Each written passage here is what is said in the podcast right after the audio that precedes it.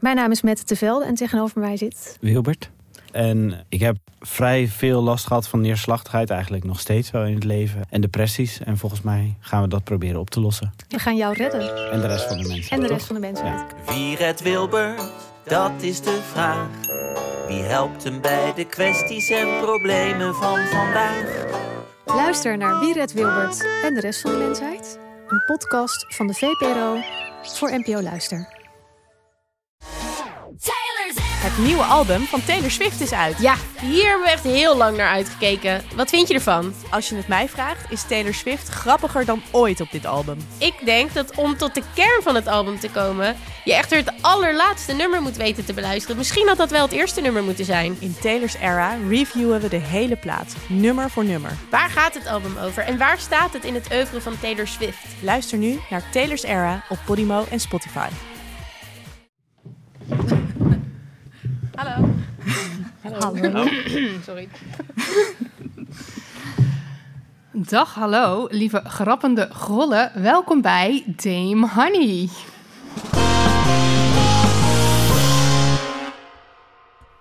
De podcast over shit waar je als vrouw van deze tijd mee moet dealen. Mijn naam is Marilotte En ik ben Nidia. en dit is aflevering 75. En we zijn hartstikke live, lieve mensen, vanaf de funniest festival ever in Den Bosch. Hallo, lieve mensen in de zaal. Hallo. Een stralend publiek hebben we. Yay. En we hebben niet alleen een stralend publiek, we hebben ook twee sterren van gasten vandaag aan tafel. Eh, ik ga beginnen met het voorstellen van een man. En dan hebben we dat ook maar gehad. Precies. En goed. ik gehad van voor de rest van het jaar.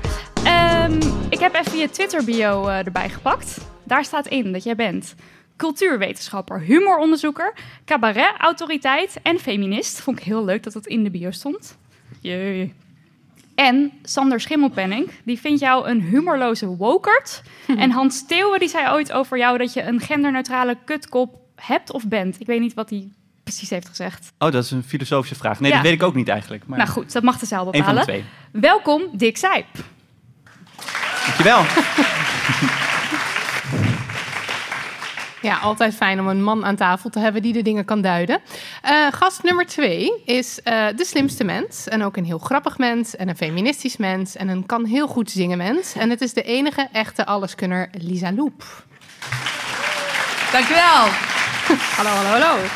Eh, maar ook nog even een klein reclamepraatje. Vanaf half september toert ze door het land met haar hypermuzikale cabaretvoorstelling Extase. En die show gaat over de moed hebben om je angsten te overwinnen. En jij hebt het woord tandenpositivity geïntroduceerd in mijn leven.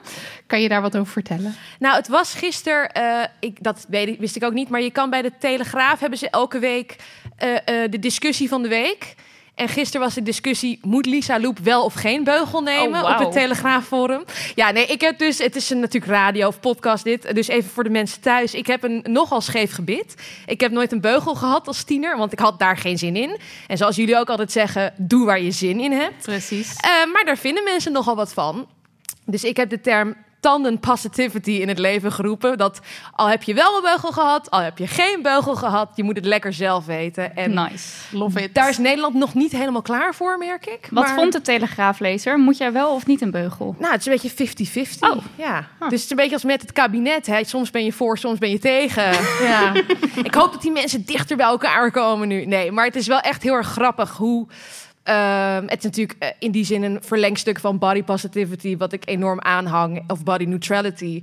Eh, en hoe heftig mensen reageren als je dus vrouw bent en een scheef gebit hebt. Ja, I don't know. Wa- Ik bedoel, je kan ook zeggen, goh, je hebt de slimste mens gewonnen en dat is Cool. leuk. Ja. Eh, maar je kan ook zeggen, je moet een beugel nemen met je paardenbek. Ja, Ja, want schoonheidsideaal. precies. Eh, zometeen van alles en nog wat over humor. Maar eerst, hoe ging jij de feminist in, Nidia? Ja, ik eh, zat natuurlijk de slimste mensen te kijken, want jij was daar. En toen dacht ik, als ze me nou ooit zouden vragen... Ik weet niet of het ooit gaat gebeuren, maar stel ze doen het. Dan zeg ik toch nee. Ook al weet ik dat het goed is dat er vrouwen zitten, want vrouwen zeggen vaak nee. En toch zou ik nee zeggen. Waarom? Doodeng. Ik snap echt niet hoe je dat durft. Ja, jij bent heel slim, dus dan snap Nou, ik wel hoe je durft. Jij bent ook heel slim. Maar dat je dan on the spot alles moet weten over Eh, paarse bloemetjes of zo. Ja, dat weet ik ook Ja. niet. Maar die vraag kreeg ik gelukkig niet. Nou, dat zou ik dus, dat is heel eng. Nee, gewoon nee. Hmm. Marilotte ook nee hoor, Nee, stiekem. ik- Ze zegt nu ik- niks, ik- maar... nee, ik Ja, zeg ik vind niks, het dus maar- wel grappig. Maar het is wel zo dat je als vrouw... Of grappig, nee, ik vind het apart, laat ik het zo zeggen. Dat vrouwen toch minder vaak durven. Maar het is inderdaad zo dat je als vrouw gewoon harder erop afgerekend wordt... als je bepaalde dingen niet weet. Ja. Ehm, maar ik zou toch iedereen oproepen, doe daar aan mee. Want het is echt superleuk en fuck it. Nou, mocht ik gevraagd worden, dan Ja. ga ik even Heel gecoacht goed, dan worden door jou. En dan, en dan geef je weet durf ik alsnog. Marilotte, Ja. Eh, ik ging ook de feminist in. Eh, we waren vorige week te gast bij een hele leuke podcast genaamd De Eeuw van de Amateur. Of nee, Eeuw van de Amateur, niet de. En eh, toen vertelde ik aan de mensen hoe ik soms heel bewust ben van hoe lesbisch mijn huis is ingericht. Omdat er een foto hangt van mij en mijn vriendin zoenend. En er hangt een gouden vulva aan de muur. En nou, allemaal hartstikke lesbisch vind ik. en dat ik me dan daar soms dus heel erg bewust van ben als de huisbaas in mijn huis staat voor wat niet al. Ehm, dus toen zat ik zo van, ja, nou, nou, nou vind ik het toch wel heel leuk. Nou, is wel erg lesbisch. En toen de volgende dag was er een, eh, een demonstratie. En dat was tegen eh LHBTIQA plus geweld. Want eh, er is in Amsterdam brand gesticht in een flat... omdat er regenboogvlaggen hingen. En, en dat was dus LHBTI-geweld. En toen ging ik daarheen... En ik was er nog geen seconde. En wie stond daar? Mijn huisbaas. met een vlag, trots en al. Helemaal zo, ja, we zijn hier en we strijden voor gelijke rechten. Eh, en toen dacht ik, oh ja, dat is wel weer typisch dat ik dat dan vooral eigenlijk bij mijn huisbaas... of eigenlijk gewoon bij een, bij een cis-hetero man... eh, als die in mijn huis staat, heb ik dus blijkbaar zo van... oeh, het is wel erg lesbisch hier. Maar allemaal vooroordelen. Ja. Lisa. Ehm, het is niet van afgelopen week, maar een tijdje terug. Maar zo erg dat ik het ga vertellen. Eh, ja, ik ging dus meedoen aan de Slimste Mens. Ik beloof dat het niet een Slimste Mens podcast wordt dit. Maar dit is nog één anekdote daarover. En ik heb een mental coach met wie ik soms werk. Omdat ik dus een angststoornis heb. En nou, gewoon dingen wel spannend vind in het leven. Zoals meedoen aan de Slimste Mens. En toen hadden we geoefend. En toen zei hij tegen me... Ja, misschien is dit niet het platform om heel erg feministisch te gaan doen. En zei ik, ja, maar ik wil mezelf niet verlogenen en ik ben gewoon heel feministisch. En eh, ja, maar misschien moet je erover nadenken of dit dan de plek is waar je dat gaat zijn. Nou goed. Toen, Maar, maar, maar, maar hoe Ja. zou je dan feministisch zijn? Dan zou je daar Nou, met zoals ik- okselhaar zo... nee, zo welke nee, vooroordelen... maar gewoon als er iets gezegd wordt waar ik het niet mee eens ben, daar iets van zeggen. Wat ik ook gedaan heb in het programma. Ja, want je was best wel stellig. Ook Ja. toen ze het hadden over bijvoorbeeld eh, als er voor je betaald wordt, geloof ik. Ja. precies. Maar ik ging dus dat doen. En toen dacht ik, oh nee, hij had gezegd dat ik dat niet moest doen. En toen ging ik me dus heel erg zorgen maken daarover daarna. Dus een man had tegen mij gezegd dat ik niet te feministisch moest doen. En toen ging ik me daar heel erg druk om maken. Dus dat was wel de femimist wat mij betreft. En ik ben blij dat ik het gewoon wel gedaan heb. Ik ook, ik ben trots op je. Dick Sijp. Ja, waar, zal ik, waar moet ik beginnen? Waar moet ik, beginnen? Nou, ik moet wel eerlijk zeggen dat ik van de week een beetje in de stress schoot. Omdat ik wist natuurlijk, ik ken de podcast, ik wist dat deze vraag ging komen. Dus ik dacht, oh god, ik moet even iets onfeministisch inplannen. Hoe doe je dat? Weet je wel? Dat anders dan. Maar. ehm, Hebben wij ook altijd. Hebben we een moment ja, voor in de week. Ja, dat ik dacht, ik raak een beetje in de stress. Maar eh, ik moet zeggen dat uiteindelijk heb ik denk ik wel iets. Want ik was een paar dagen geleden was ik een stuk aan het lezen op One World. Wat ik een heel goed platform vind. Maar daar was ik me echt heel erg aan het ergeren. En toen dacht ik, ja, dit is misschien een beetje onfeministisch. Maar de meningen waren een beetje verdeeld. De feministe vrienden, vrouwelijke vrienden die ik het voorlegde. Maar het was een artikel over mansneezing. Het fenomeen Oh ja, ik heb het ook gezien. Hebben jullie dit ook gezien? Nee, ik niet. Het gaat over mannen die dus heel veel ruimte innemen als ze niezen. Zo'n man kennen jullie wel, toch? Die echt zo Ja. dat je... Holy shit. Ik heb iemand in mijn achtertuin, nou die woont huizen verderop. En die hoor je gewoon echt... Maar luister, ik ben dat. Jij bent die mensniezer. de mens niet zo.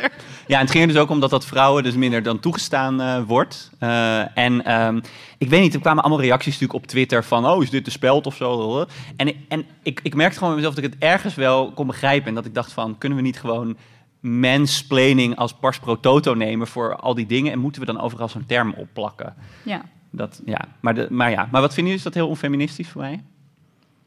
Nou, ik heb het ook gezien, Persoonlijk toen dacht al de ik ook, termen.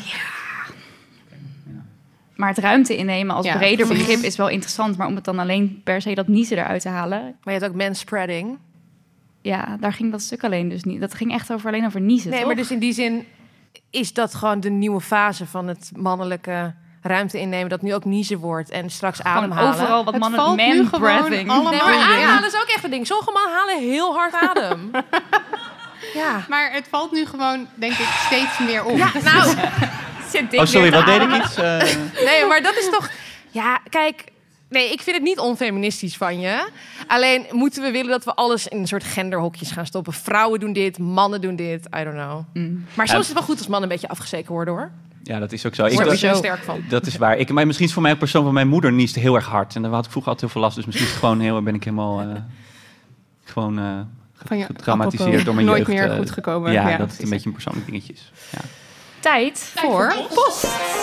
Tijd voor post. Eh, ja, daarvoor maken we eigenlijk graag gebruik, als jullie zin hebben, mensen in de zaal, van jullie dilemma's. Dus eh, als er iemand is die ons een dilemma voor wil leggen, dan Een vraagstuk. eh, een levensvraag. Dus voor de mensen die de podcast niet kennen, we krijgen dus normaal brieven van luisteraars. En nu zouden we het dus heel leuk vinden als een van jullie een vraag stelt. En hoeft dus niet per se over humor te gaan, want daar gaan we zo meteen uitgebreid over hebben. mag elk feministisch vraagstuk daar, hallo.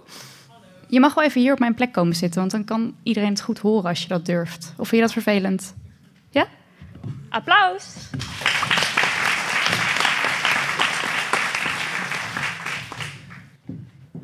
Hoi, wat is je naam? Rosanna. Hoi.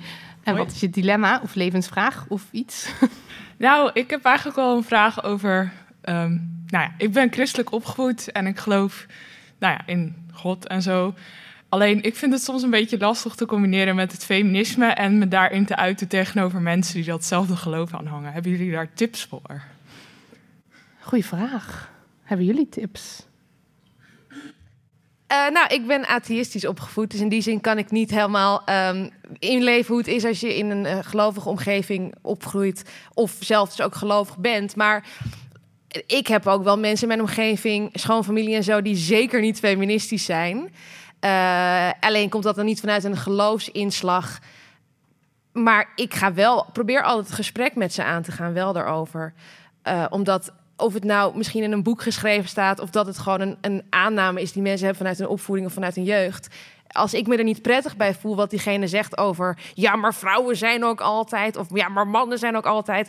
Probeer ik op een respectvolle manier daar wel iets over te zeggen. Ehm, maar ik weet niet of dat helemaal één op één past op jouw situatie. Maar ik denk dat er heel veel onfeministische mensen zijn in de wereld. En niet alleen maar gelovige eh, Eh. mensen in die zin. Nee, ze zijn heus niet allemaal onfeministisch. Ik ken genoeg mensen die wel eh, ook feministisch zijn. Ja. Maar soms vind ik dat gewoon heel erg lastig. Maar wat wordt er dan gezegd als ik vragen mag? Of is er een voorbeeld? Nou, gewoon de manier waarop de Bijbel soms over vrouwen Mhm. spreekt. En dat vind ik dan soms best lastig. Want dan denk ik, ja, hoe combineer ik dat dan? Want ik ben ook echt heel erg links en feministisch. Mhm, mhm. En ja, dat begint steeds meer dat ik mezelf daar vragen over begin te stellen eigenlijk. Ja. Dus dat is een beetje... En het is soms niet eens zozeer wat mensen zeggen... maar ook wel gewoon dingen die ik dan lees. En, Ja. En dat dan ik dan heb ga je- twijfelen aan mijn overtuigingen of zo. Heb je dan ook dat je vragen gesteld van, is het, past het geloof dan nog wel bij mij? Of eh, hoe kan ik dit het beste combineren? Hoe kan ik dit het beste combineren? Combineren, dat ja. is altijd de vraag die ik mezelf blijf stellen. Ja, want het is natuurlijk ook zo dat dat wat in de Bijbel staat, hoef je ook weer niet allemaal zo letterlijk te nemen, want het is een eeuwenoud boek. Maar ik ben wel christelijk opgevoed en ik, ik had persoonlijk dat het dus niet meer bij mij paste, omdat het dus zo.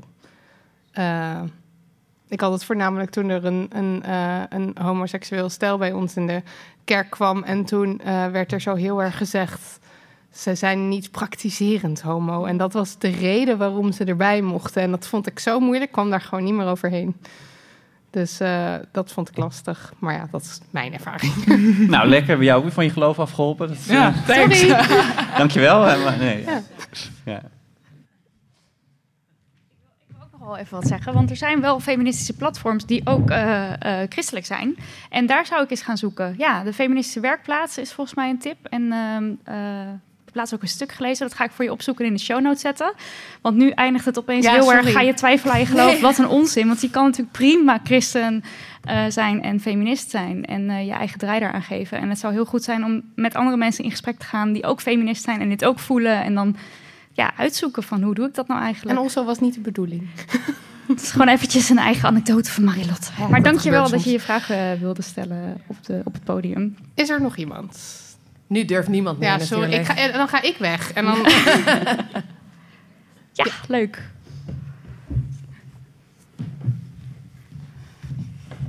Hallo, welkom. Hoi. Eh, ja, ik heb een vraagje. Eh, ik kwam het vandaag tegen toen ik een oproepje deed eh, op mijn Instagram voor een fotograaf. En ik noemde heel vaak dat woord en ik dacht, moet ik nou... Ik zeg eigenlijk fotograaf, maar dan zeg ik eigenlijk dat ik een man zoek? Moet ik dan fotograaf zeggen? Of, maar dan zeg ik weer dat ik een vrouw zoek. Moet ik het dan alle twee gaan zeggen? Dus, en dit, dit punt ben ik vooral online, omdat ik dan ook de woorden eronder zet als ik, als ik dingen zeg. Eh, ben ik al heel vaak bewust tegengekomen van.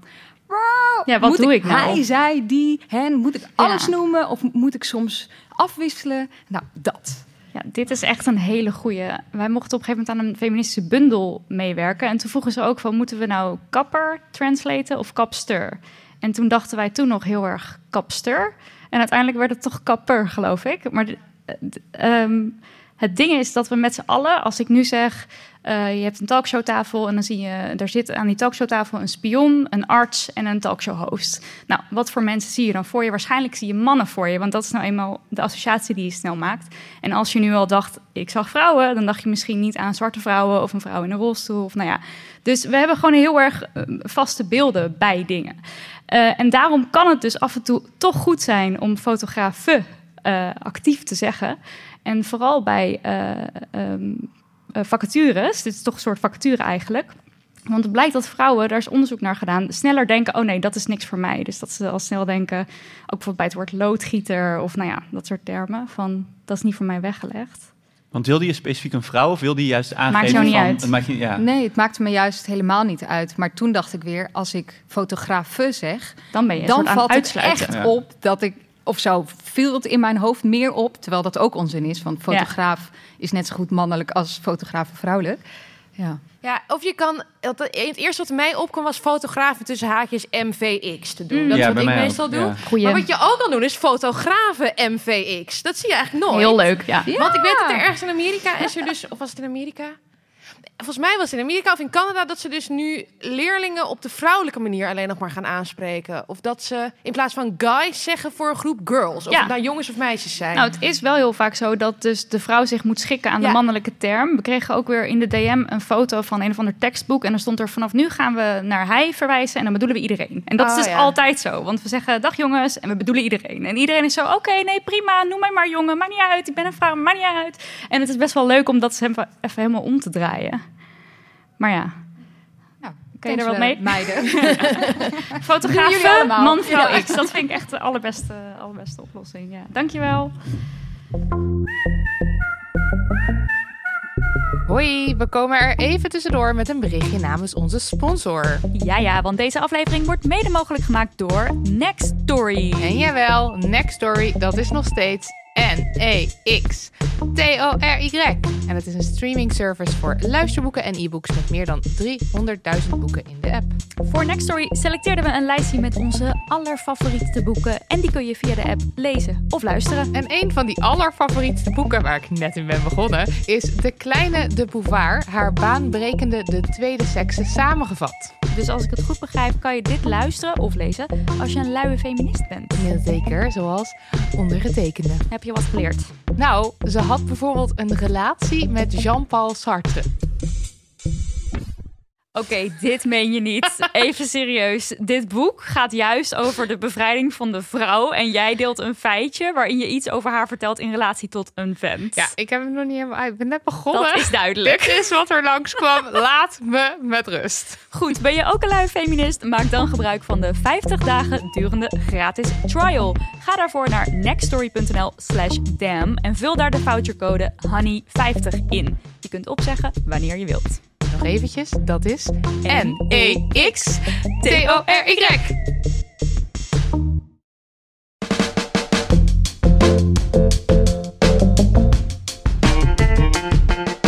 We moeten het even hebben over humor. Want met die woke-politie van tegenwoordig, dat zijn wij, hallo, kun je tegenwoordig helemaal niks meer zeggen. Je hoeft maar een seksistische scheet te laten en het woke-alarm loeit al door de straten. Voor je het weet ben je hartstikke gecanceld. En eigenlijk, ja, mag je niks meer zeggen. Of ligt het toch wat genuanceerder? We gaan het er met jullie over hebben, met Lisa en met Dick. Eh, en ik ben wel eerst benieuwd hoe je de humor inrolt. Hoe word je een humoronderzoeker?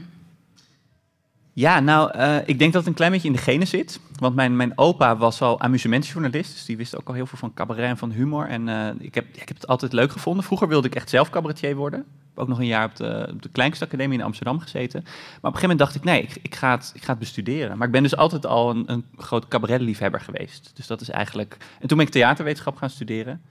En toen dacht ik, ja, hier, hier houdt iedereen zich alleen maar bezig met toneel en dans en opera, maar niet met populair theater. En toen dacht ik, ja, maar er moet ook onderzoek naar cabaret komen. En toen ging ik een proefschrift schrijven. Dat is een beetje de hele de, de korte samenvatting. Zo van, je was niet grappig genoeg, dus toen werd je maar humoronderzoeker. Precies. Zo gaat het, hè? Zo gaat het, ja. ja, ja. En Lisa, je bent vrouw en cabaretier, dat kan natuurlijk niet, want vrouwen zijn niet grappig. Nee, die zijn cabaretier ten eerste Oh. natuurlijk. Iemand had ook gezegd, ja, ze is niet zo slim, want ze zegt cabaretier over zichzelf, maar het is cabaretier. Ehm, Zo fijn als het even aan je uitgelegd fijn. wordt. Neem een beugel. Maar ehm, nee, ik, ik wilde al vanaf mijn vierde cabaretier worden. En dat was een soort ding wat ik al... Ik had een cd van Brigitte Kaandorp en dat was een soort van het. En toen ik haar ook op het podium zag, dacht ik... wow, je kan als vrouw ook gekke bekken trekken. En het is heel speels. En het is en zingen en dansen en acteren en schrijven en alles. Nou, toen heb ik heel wat omzwervingen gemaakt. Want ik wist wel altijd dat ik op het podium wilde staan. Toen heb ik eerst conservatorium zang gedaan, want ik was afgewezen voor de kleinkunst. En toen daarna nog een master op de kleinkunst gedaan. En toen ben ik dus cabaretier geworden. En voor mij is het los van de humor ehm, ook gewoon een vak waarin je alles kan doen wat je zelf wil. Wat ik heerlijk vind. Dus en schrijven en zingen en een Disney jurk aan als ik daar zin in heb. Zeg maar, het is zo... Ja, je maakt je eigen shows natuurlijk, dus je hebt zoveel vrijheid daarin. Ja, heel erg zelf weten. Ja. En is het een, eh, het, het Nederlands cabaretlandschap, is dat een door mannen gedomineerde wereld of valt het mee? Nou, je speelt eigenlijk zelf altijd je eigen show in een theater. En dan heb je verder niet zoveel met andere mensen te maken. Het is niet nog een andere voorstelling. Misschien wel in de grote zaal, maar het kan toneel zijn, kan dans zijn. Ehm, er zijn ook steeds meer vrouwelijke cabaretiers. Dus het is echt wel aan het veranderen. Dus ik vind het eigenlijk te makkelijk om te zeggen... het is male dominated. Het is het wel lang geweest, maar... Ik heb zeg maar in mijn jeugd heb ik voorbeelden gehad die zowel mannen als vrouwen waren. Maar toen was ik nog niet zo erg bezig met het feit dat ik zelf een vrouw was. Eh, omdat ik in een soort feministische bubbel ben opgegroeid waarin vrouwen en mannen een soort van gelijk waren. En later kwam ik pas achter dat er nog een hele andere wereld is waarin dat niet altijd het geval is. Ehm, dus ik heb het ook nooit zo gezien van, oh, Arjen Lubach is een man en hij doet dit, maar ik ben een vrouw, ik zou dit niet kunnen worden Hmm. of zo. Dus daar heb ik wel echt een eh, ja, mazzel mee dat het zo gegaan is. Ja, kijk, oké. En nu even lang verhaal kort. Er zijn natuurlijk duizend miljoen vooroordelen over vrouwen en humor. Ehm, alleen omdat het dus nu verandert en er steeds meer vrouwen bij komen, is het niet meer male dominated. En het is denk ik ook een verschil tussen de Nederlandse context en bijvoorbeeld de Anglo-Saxische context, eh, waar er veel meer in comedyclubs opgetreden wordt. En daar heb je wel het probleem, en daar wordt ook wel steeds meer over gediscussieerd, van ja, een beeld die dan inderdaad male-dominated is. En dan wordt er soms als, eh, ja, als een, een tokenvrouw of een, een tokenpersoon van kleur bijgezet. Net En zoals dan we jou nu hebben. Precies, Ja. precies. Ja. En dat is dan natuurlijk een, eh, dat is weer een heel andere dynamiek. En dat heb je natuurlijk niet als je in Nederland in een theater komt en jezelf eh, Ja. avondvullend speelt. Hmm, ja. Ja. En kan jij nog, eh, want jij ziet heel veel, je weet heel veel over humor en cabaret. Kan jij dan nog daarom lachen ook? Gewoon in het algemeen bedoel je. Ja. Ehm, ja. Of zit je de hele tijd, "D- dit werkt zo en nu doe je dit? En Nou, Anglo-Saxisch. Anglo-Saxische mensen. Het, het is een beetje dubbel. Kijk, aan de ene kant vind ik altijd, mensen zeggen heel vaak van, maar als je humor gaat onderzoeken en ga je een grap analyseren, dan, eh, dan is het toch niet grappig meer. Dat heb ik zelf eigenlijk nooit zo helemaal begrepen, want ik kan, een, ik kan een voorstelling ook 16 keer bekijken en dan nog steeds grappig vinden. Maar het wordt misschien wel steeds meer lachen van binnen. Dus ik bedoel, het is niet. eh, en ik heb ook wel eens in een theater, ze zetten meestal. Ik heb ook veel cabaret gerecenseerd voor, voor kranten en. eh, en, en nu voor de Groene Amsterdammer. En dan merk ik ook wel van. Ik heb één keer. Meestal zetten ze de recensenten een beetje uit elkaar. Maar ik heb ook wel eens op met zo'n recensentenrij gezeten. En dat is dan ook wel een beetje een stille rij. Er wordt niet gelachen. Wordt niet altijd gelachen. Maar goed, tegelijkertijd, ja, weet je, het is ook zo, als recensent zie je natuurlijk heel veel waarvoor je misschien zelf geen kaartje zou kopen. Maar je zit in een zaal met allemaal mensen die fanboy of fangirl zijn. En die, dat is natuurlijk ook nog een verschil. Maar nee, ik, volgens mij lach ik, eh, lach ik heel veel. Ja. En, ehm, en ehm, wat is de functie van humor? Vertel dat maar eens, wetenschapper. ja, nou hou je vast, hou je vast. In de nou, maatschappij. De, de functie in de maatschappij. Ja. Nou, de functie van humor bestaat eigenlijk niet. Want humor heeft een heleboel verschillende functies en rollen. Eh, het verschilt ook weer per samenleving en per tijd. Eh, dus wat je in elk geval kan zeggen is dat humor nu heel erg belangrijk wordt gevonden. Dat is niet altijd zo geweest. Dus überhaupt het idee dat je een goed gevoel voor humor moet hebben en dat als je dat niet hebt, dat het echt een belediging is. Dus oh, die heeft geen gevoel voor humor. Dat is iets heel erg moderns eigenlijk. Oh. Dus we vinden humor heel belangrijk en we verwachten er ook allerlei heel positieve dingen van. En voor een deel functioneert humor ook op die manier. Dus het kan mensen met elkaar verbinden, het kan de macht aanvallen, maar ja, het kan ook andersom eh normbevestigend zijn. Het kan ook eh, mensen buitensluiten. Dus het, is heel, het heeft heel veel verschillende functies. Maar we vinden het in elk geval heel belangrijk. En humor is ook overal. Dat is ook wel een beetje iets nieuws. Dus eh, in reclame is humor, in hedendaagse beeldende kunst heel veel humor. Op tv, comedians zijn celebrities. We vinden het in dating vinden we het heel belangrijk. Dus humor is eigenlijk overal belangrijk. En kan je dan zeggen dat er een bepaald soort humor in Nederland groot is? Of dat het goed, dat dat goed werkt? Dat je dat veel tegenkomt? Het is eigenlijk best wel gevarieerd eh, als je zo kijkt in het theater. Dus er zijn, nou ja, het is een beetje schetsmatig natuurlijk, maar als je zo in het theater kijkt, ja, je hebt de meer politiek geëngageerd, nuance, genuanceerde humor van een Claudia de Breij een Pieter Derks, maar je hebt ook eh, de, de, de meer harde eh, eh, Theo Maassen of, eh, of, of, of Daniel Arendt-achtige humor die heel erg over, heel hard over grenzen heen wil gaan. Eh, je hebt ook meer het, eh, het, het meer muzikale eh, cabaret, eh, nou ja, waar jij Lisa natuurlijk eh, een, een, een, voor- een voorbeeld van was met Matrushka ook. Jan Beuving. Eh, je hebt ook een meer ontregelende van Stefano Keizers, eh, Henry van Loon. Dus het is eigenlijk best wel een breed palet aan, eh, aan humorstijlen in Nederland. En dus, er is er niet eentje die er uitspringt daarin. Poep en plas. Kijk. Doet het altijd Aan goed jou onder mensen. wat.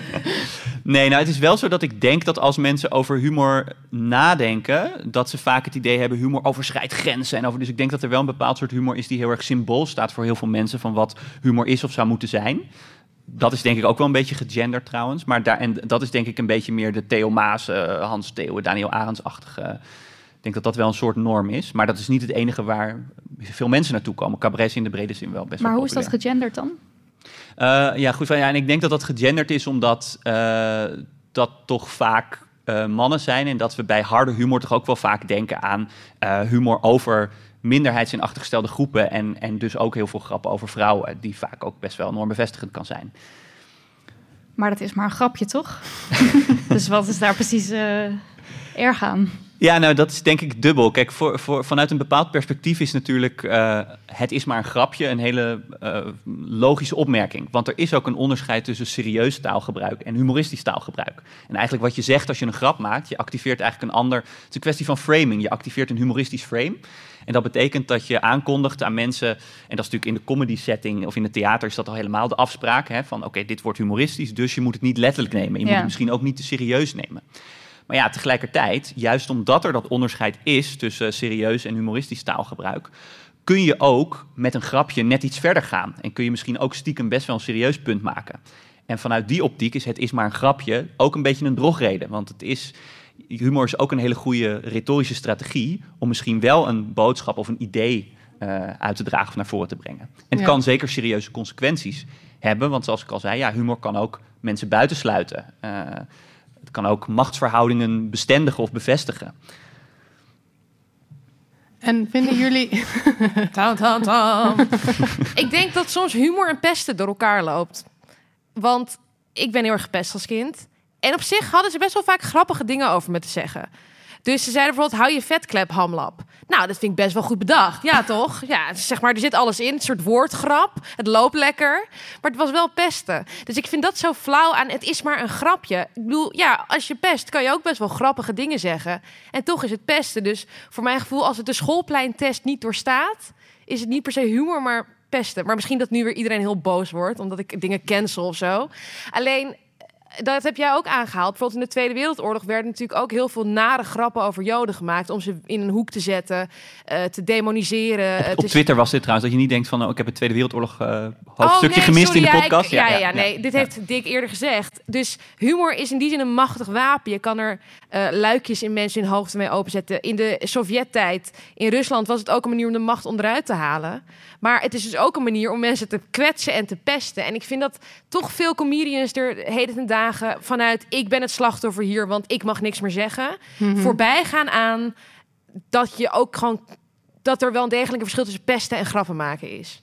Ik vond het eigenlijk heel mooi hoe je het, hoe je het eerst zei, van dat het een beetje door elkaar loopt. Mhm. Want dat is, ja, ik ben dan natuurlijk de wetenschapper die heel precies wil zijn, maar wat je best wel vaak hoort is dat humor en pesten, dat het andere dingen zijn. En dan zeg van ja, maar dit is pesten. En eh, wat ik heel interessant vind, is dat je best wel ziet dat er een beetje cognitieve dissonantie is. Dus we willen zo graag geloven dat humor iets positiefs is, dat als humor dan dat volgens ons niet meer is, dat we dan zeggen, ja, maar dan is het geen humor meer. Maar volgens mij is het juist belangrijk om te, om te erkennen dat, dat, dat het ook humor kan zijn, Ja. maar dat humor gewoon verschillende kanten heeft. Dus een hele harde racistische grap is ook humor. Ja. Daarmee zeg je niet meteen dat je er zelf om moet lachen, maar het is gewoon qua genre en, en stijlkenmerken. Ja, het is humor, maar het is, kan ook een vorm van pesten zijn. Maar die, dus het loopt heel erg door Ja. elkaar en dat vind ik wel mooi hoe dat zijn. Ja. Wat dus ook niet betekent dat humor een soort vrijbrief zou mogen zijn om alles maar te kunnen zeggen. Omdat het en heel negatief kan zijn en positief. Ja, Of, dat denk ik wel. En ik vind dus dat er, en daar lopen ook dingen door elkaar. Ten eerste het idee van cancel culture. Volgens mij is het meer, als ik het goed zeg, call-out culture waar we nu in leven. Eh, heb ik van marketingvrouw, volg haar op Instagram, love her. dus er wordt heel vaak gezegd, ik word nu gecanceld, maar dat is helemaal niet zo. Er wordt namelijk gezegd, hey, wat je daar zei, vond ik niet tof. Om het voorbeeld, het al- oude voorbeeld van Joep van het Hek aan te houden met eh Nicolaas Vul met Pisnicht. Nou ja, dan ver- dus hij, iemand zegt een keer: hey, ik vind dat niet tof, je kwetst mij daarmee.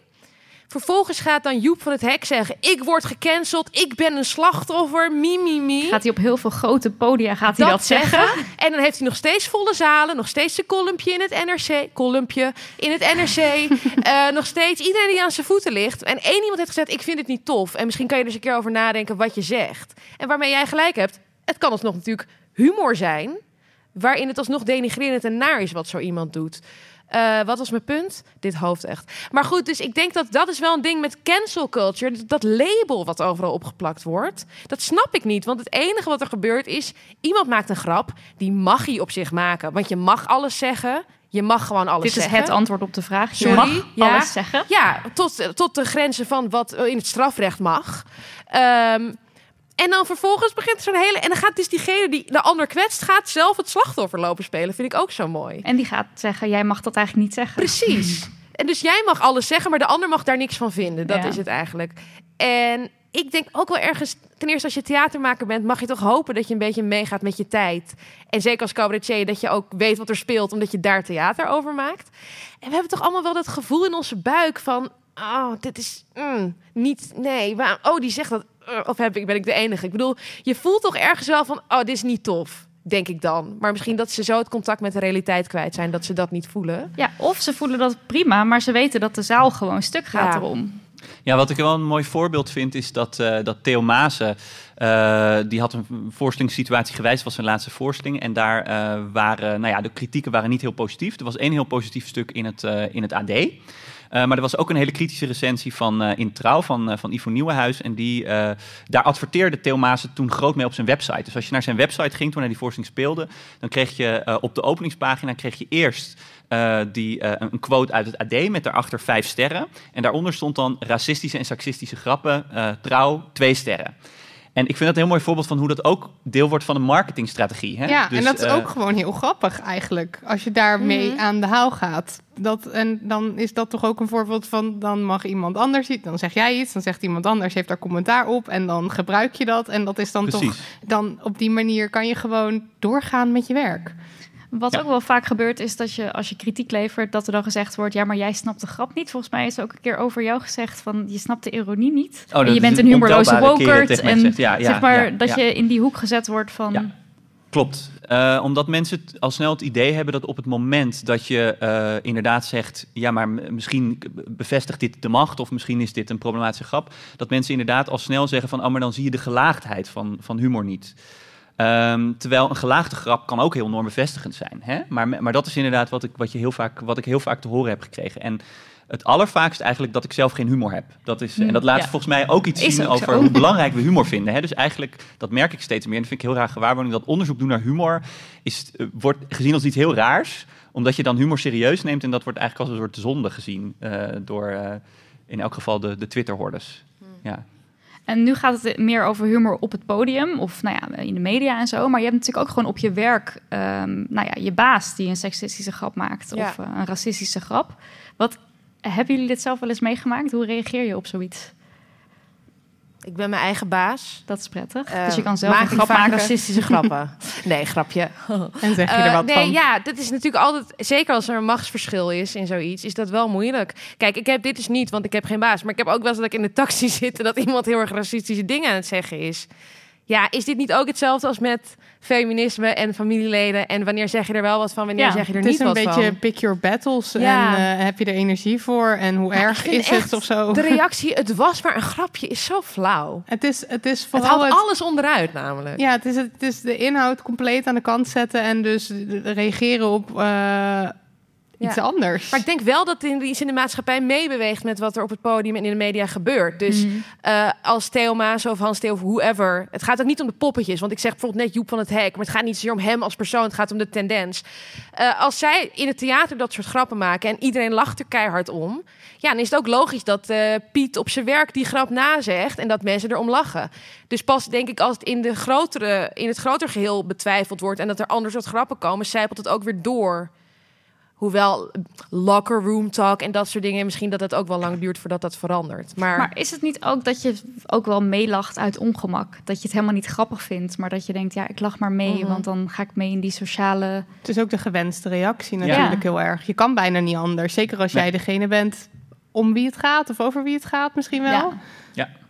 Ja, zeker. Dus het is heel moeilijk om tegen een grap eigenlijk in opstand te komen en te zeggen van nee, ik vind dit niet grappig. En, en waar ik nog aan moest denken, dat idee van dat dat ook doorwerkt als comedians die grappen maken. Wat, waar wel onderzoek naar is gedaan eh, eh, in de sociale psychologie, is eigenlijk naar wat eigenlijk het effect is van, grappige, van grappen en van Ja. seksistische grappen of, of grappen over homo's. En het blijkt dus inderdaad zo te zijn dat op het moment dat jij, dat jij al racistische denkbeelden of ideeën hebt en je hoort veel van dat soort grappen, dan, zul je, dan verschuift de norm een beetje. Dus dan, Mhm. zul je, eh, dan komt er gewoon meer tolerantie voor racisme bij, bij jezelf. En dan zul je jezelf eerder toestaan om je eigen racisme te uiten. Omdat humor ook iets aan kan geven over van waar ligt de grens. Hè? Humor Ja. gaat vaak over het aftasten van grenzen. Dus als een bepaalde grap blijkbaar kan en iedereen dat grappig vindt, oh, dan, kun je, dan kun je misschien als je serieus eh, racistische denkbeelden hebt, dan kun je ook denken, oh, nou dan voel ik me misschien nu vrijer om die te uiten. En dat is wel onderzocht en dat is wel heel interessant onderzoek. Eh, en er werd zelfs aangetoond dat eh, humoristische uitingen daar beter toe in staat waren dan serieuze uitingen. Hmm, en dan komen ja. we weer bij dat punt van,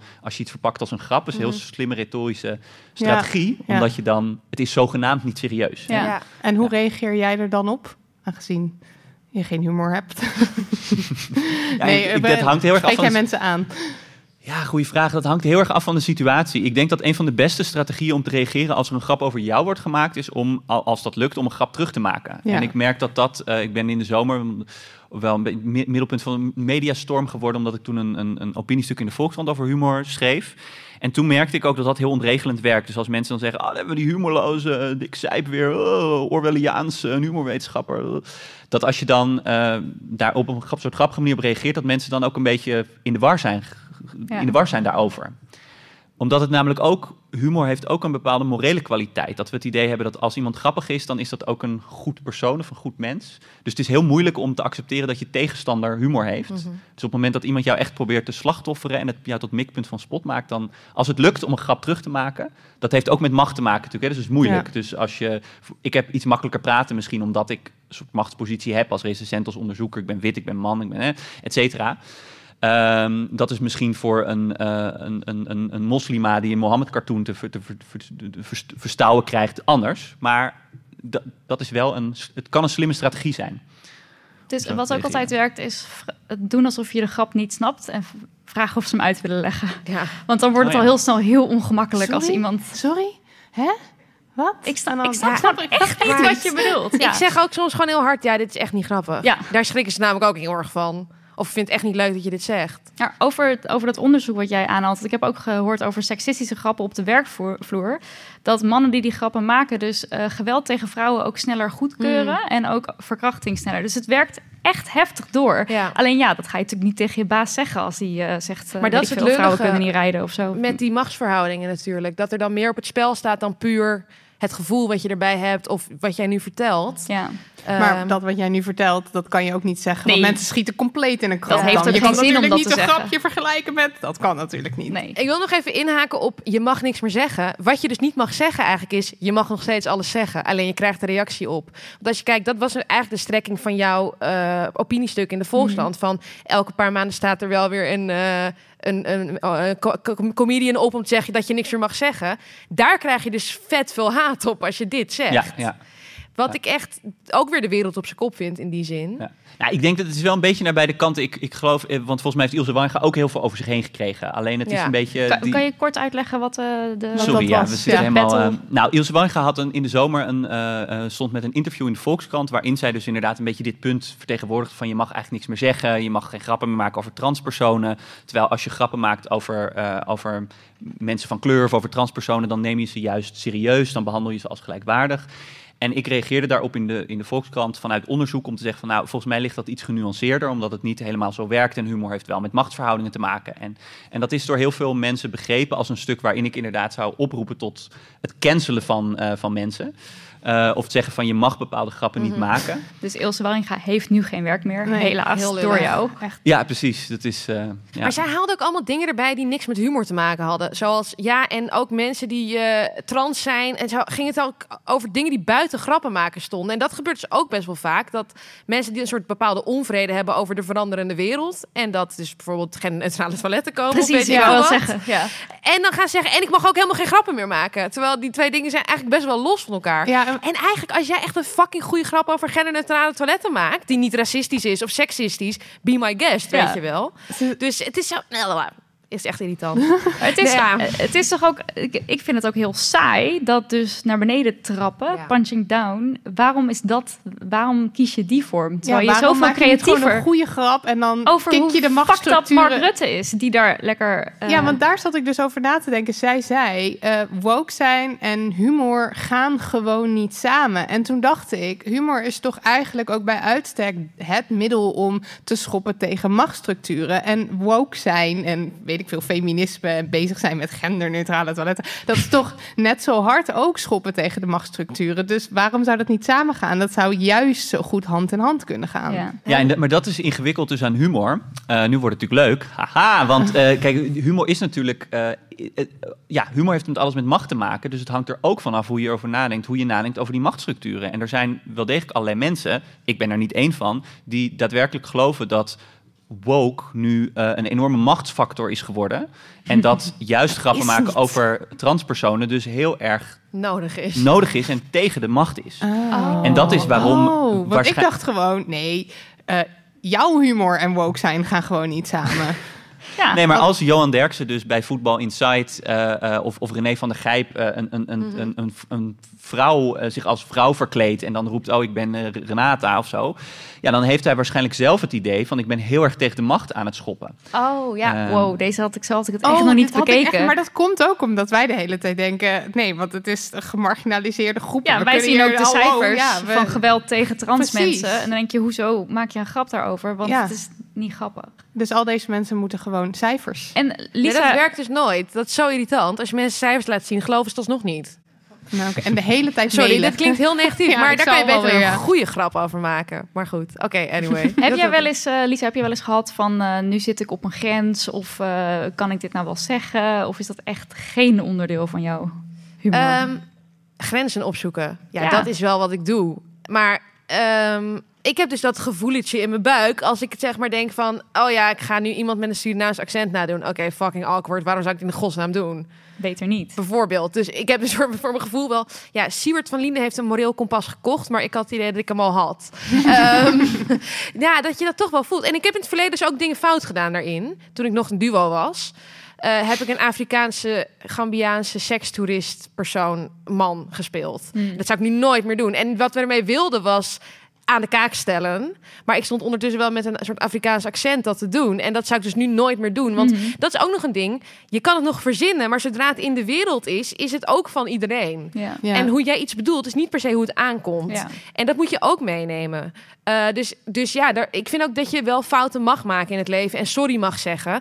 eh, en het ook niet meer doen. Want dat is ook een reflex die je merkt. Stel je valt dus een cabaretier aan op jij zegt iets, ik vind dat niet fijn. Oh, nee, nee, nee, nee, nee, je doet, dat is ook een beetje gewoon menselijke aard natuurlijk van, oh kut, ik heb iets fout gedaan. Sommigen zeggen heel erg sorry en anderen zeggen het ligt aan jou. Ja.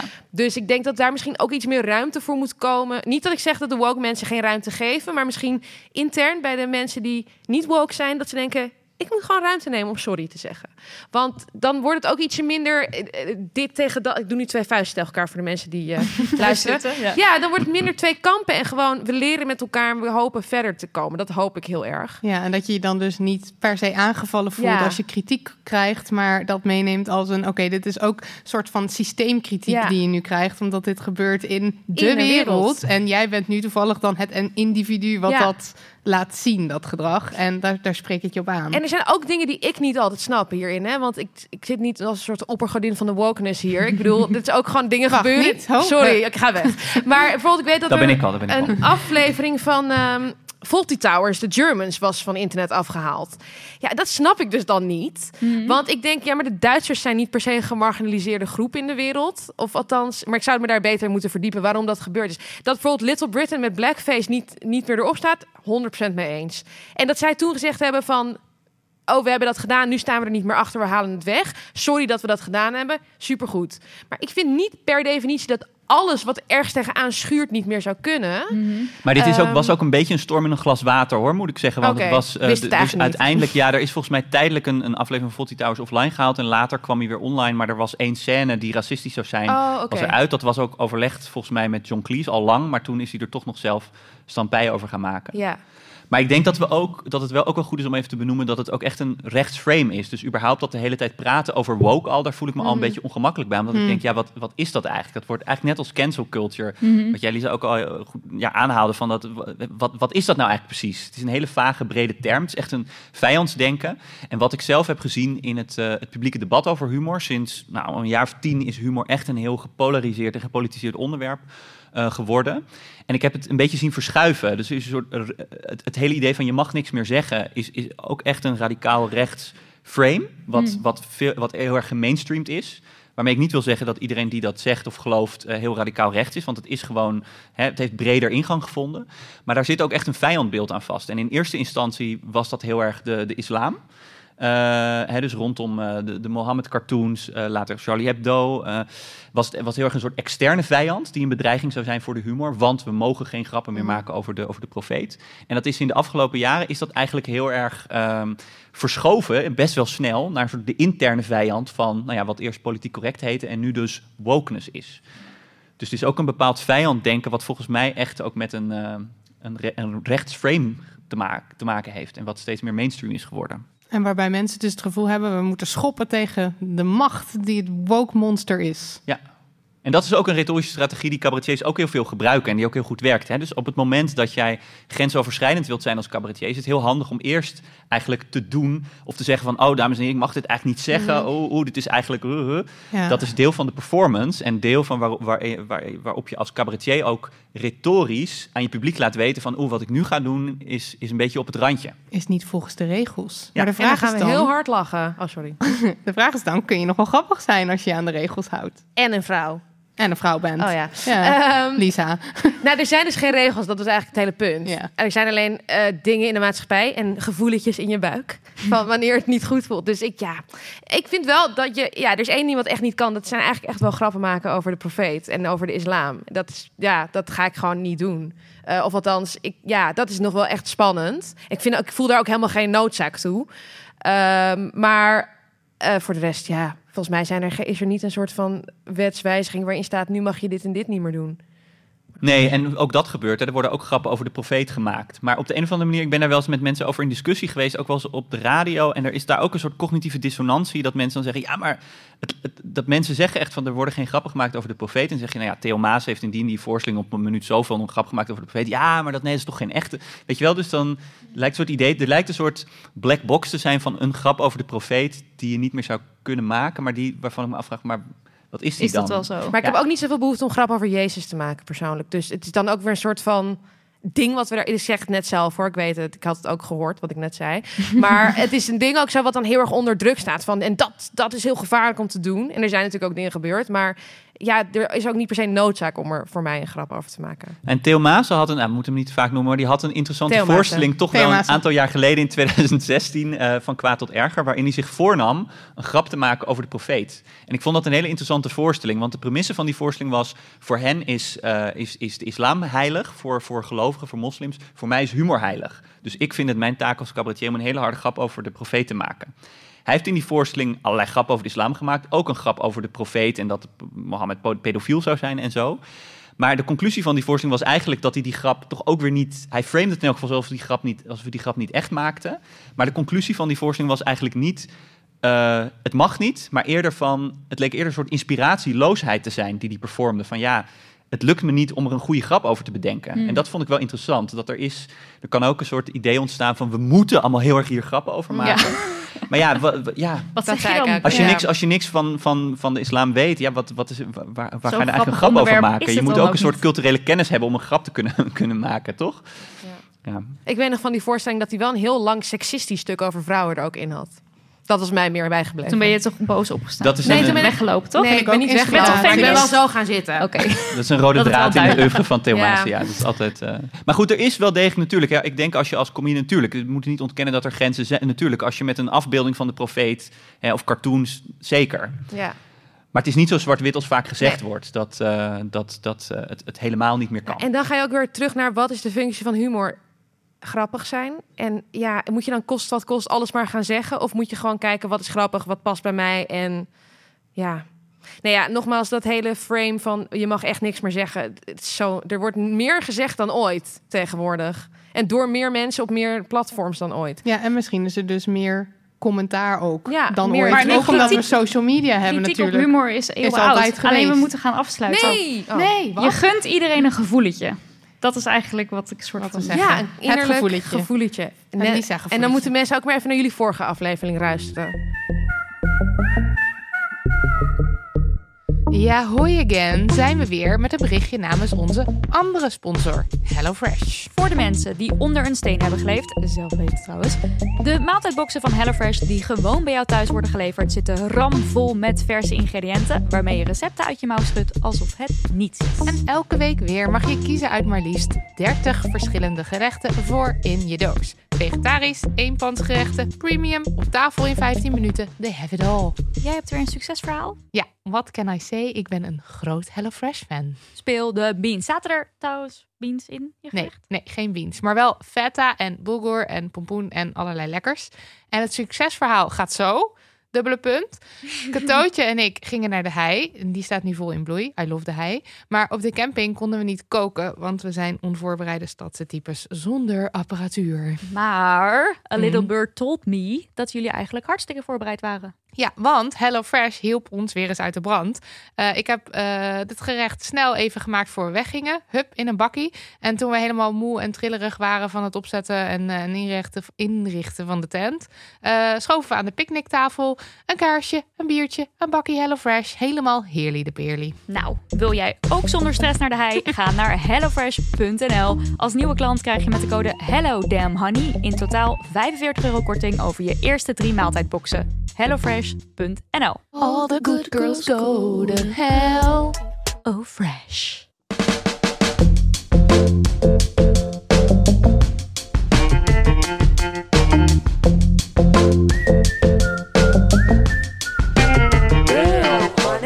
Tijd voor onze afsluitende rubriek, de Damn Money Yes en No. En die gaat als volgt. Marilotte die heeft iets eh, waar ze echt woest van werd. En dat is de Damn Money No. En daarna kom ik met iets waar ik heel blij van werd. En we hebben een heel serieus onderwerp uitgekozen voor deze humoraflevering. Dus hou je vast. Pak je borsten maar vast. Woest Nou, was ze. Blijkbaar hebben niet alleen mensen, vrouwen last van ongewenste mannelijke aandacht, maar kolibri-vrouwtjes ook. Zo erg zelfs dat ze zich moeten vermommen als een mannetje om met rust gelaten te worden. En dit is eh, onderzocht. Ehm, in het artikel stond eh, het genoemd als een opmerkelijke ontdekking. En ik dacht, is dat opmerkelijk? Is dat zo? Dat het zo is dat vrouwtjes zich moeten verkleden als mannen om al die ongewenste aandacht van zich af te slaan. Ehm, Het zit zo, het gaat over de witnek-kolibrie. En over het algemeen geldt dus in het vogelrijk dat mannetjes allemaal van die felle kleuren hebben en dan zo paraderen en zo uh, vrouwelijk schoon proberen te verleiden. Um, en tot voor kort gold dat ook voor deze kolibrie. Maar sinds kort, eerst had dus de vrouwen, vrouwen witnek-kolibrie had dus een soort grauw, grauw verendek. Grauw verendek heet dat.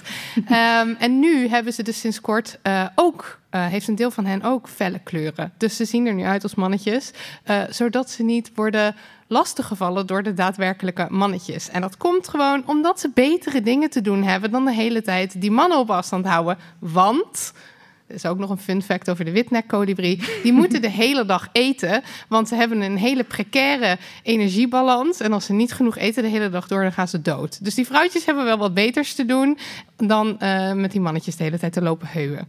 Ik uh, ben er wel kwaad over. Nidia, ja, waar werd je blij van? Ik werd heel blij van een onderzoek dat midden augustus gepubliceerd werd, waaruit blijkt dat vrouwelijke octopussen objecten gooien naar irritante mannen-octopussen. Dit is allemaal echt waar, hè? Dat hebben we niet bedacht. Nou, het schijnt dus niet zo vaak voor te komen dat dieren objecten naar hun eigen soortgenoten gooien, maar octopussen doen dit dus wel. Dat doen ze nadat ze gegeten hebben. Dan gooien ze wat ze niet meer willen eten, gooien ze weg. Ze doen het als ze hun huisje schoon aan het maken zijn. Dan is het een beetje zo, hop, nou, weg. Maar ze doen het dus ook in sociale situaties. En dat hebben ze dus onderzocht. En toen bleek dus dat vooral de vrouwtjes dit doen. En dat ze dan dus naar mannetjes um, schelpen, modder en algen gooien. Als die mannetjes uh, ongewenste avances maken. En hoe ze dat doen, ze pakken het vast. En dan hebben ze een sifon in hun lichaam. En dat kan water spuiten. En dat spuit dan zo dat hop richting dat mannetje. En er zijn zelfs beelden van een vrouwtje dat het wel tien keer naar hetzelfde mannetje die modder zit te gooien. Uh, ze raakt hem vijf keer. En vier van de tien keer probeerde hij nog zo weg te duiken. Maar uh, niet altijd uh, met resultaat. Ik zou dat ook doen als ik octopusvrouwtje was. Je hebt superveel armen ook nog. Ja, toch? het is vet handig. Dus je kunt echt heel veel gooien. Schelpen, alles. Je, ja. En maar weg. ja, de, de, de, hoe noem je dat? De overeenkomsten hier zijn dan toch weer dat vrouwtjes zich de hele tijd moeten lopen ja. te verdedigen tegen ja, mannen. Dat is niet leuk. Dat is niet leuk. Dit was aflevering 75. Dankjewel Lisa, dankjewel Dick. En op lisaloepen.nl kun je kaarten kopen voor de voorstelling Extase die door heel het land trekt. Dus gaat heen en koopt en be in extase. Met je gevoeletjes. Bedankt, lief publiek. Wat fijn dat jullie er waren. Ik ga compleet overprikkeld naar huis nadat ik weer zoveel uh, mensen heb gezien. Maar uh, fijn dat jullie er waren. Dank jullie wel.